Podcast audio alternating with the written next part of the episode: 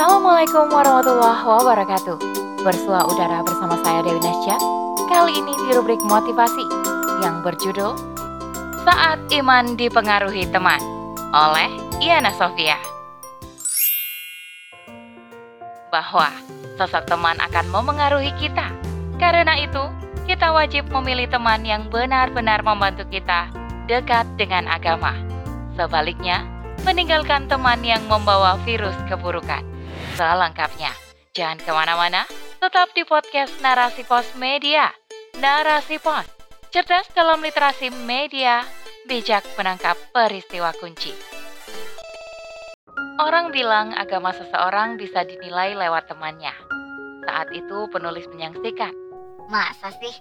Kan kita kan nggak bodoh-bodoh amat, asal ikut kesalahan orang.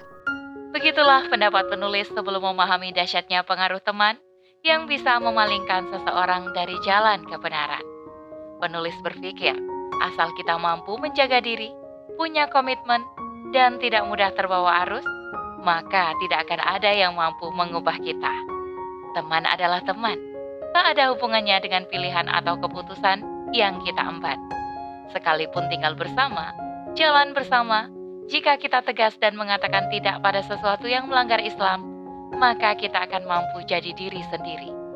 Melakukan apa yang kita yakini benar tanpa terpengaruh oleh kesesatan yang teman lakukan. Itu pemikiran penulis tadinya. Siapa sangka, penulis akhirnya melihat dengan kedua mata sendiri.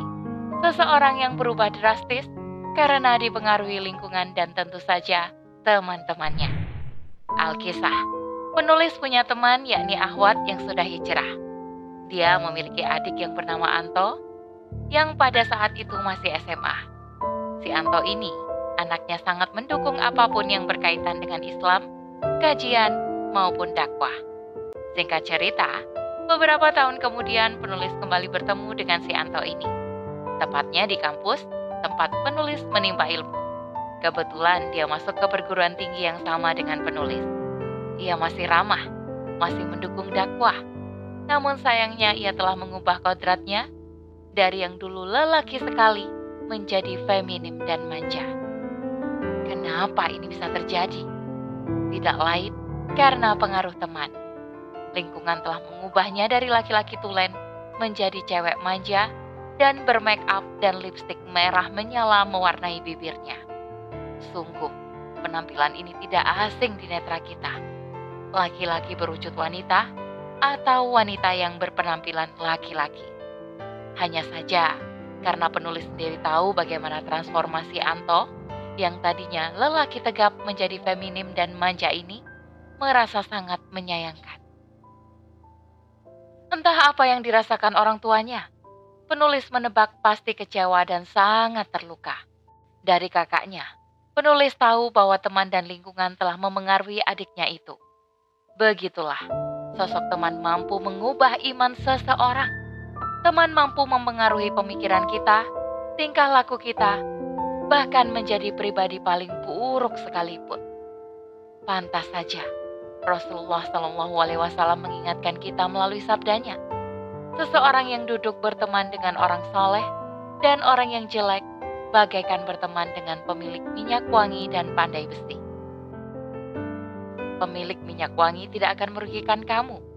Engkau bisa membeli minyak wangi darinya, atau minimal engkau mendapatkan baunya.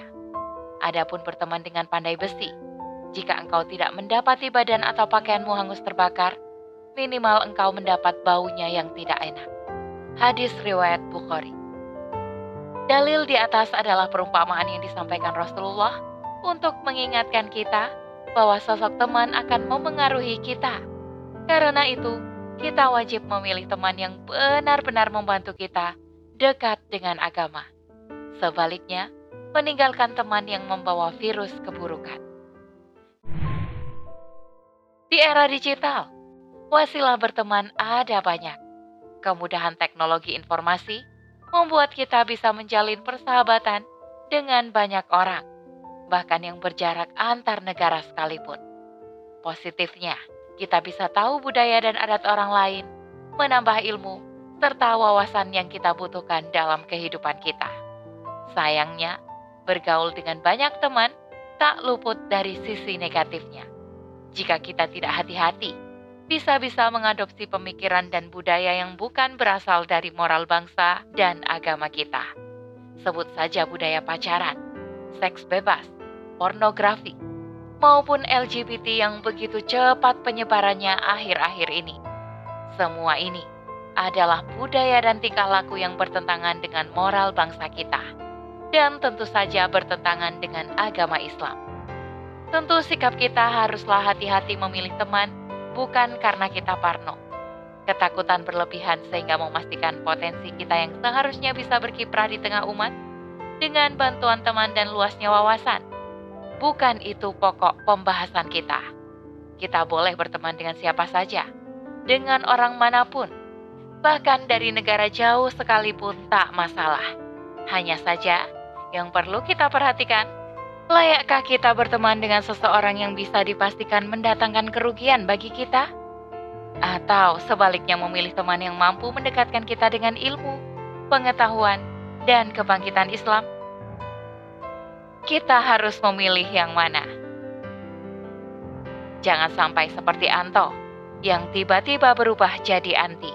Dari laki-laki tulen, berubah menjadi perempuan jadi-jadian.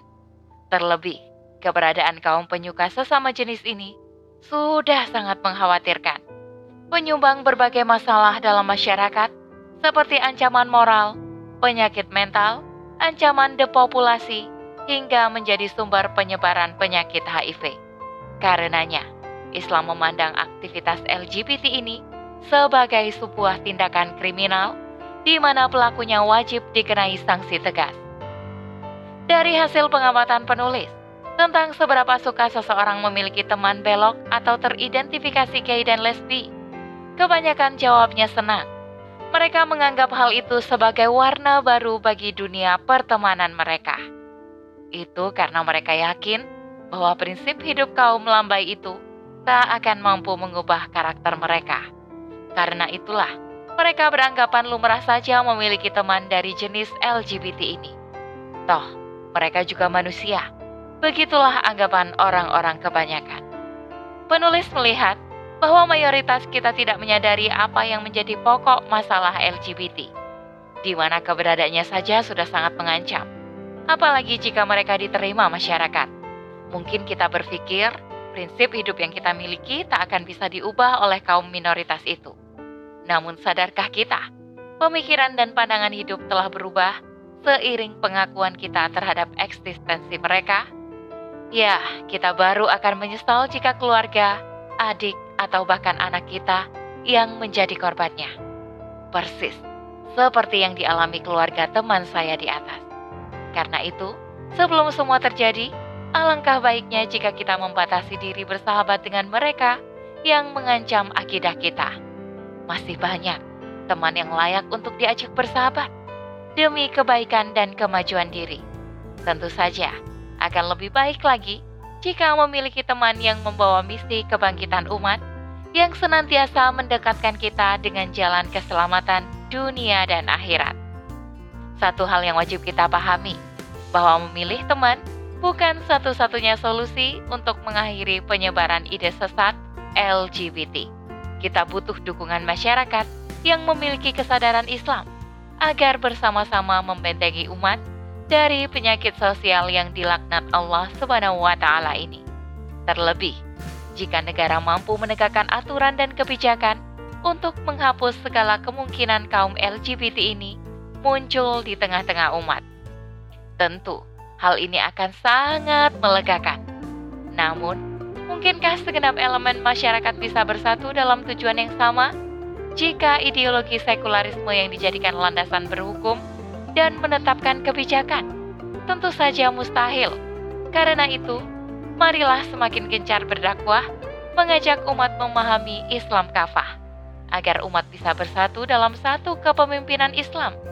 Karena hanya hukum yang bersumber dari Sang Penciptalah yang mampu menghapus kezaliman dan seluruh aktivitas menyimpang, menciptakan lingkungan sehat yang melahirkan generasi terbaik peradaban. Wallahu a'lam bishawab. Demikian rubrik motivasi kali ini. Sampai bertemu di rubrik motivasi selanjutnya. Saya Dewi Nasya kundur diri. Afumikum wassalamualaikum warahmatullahi wabarakatuh.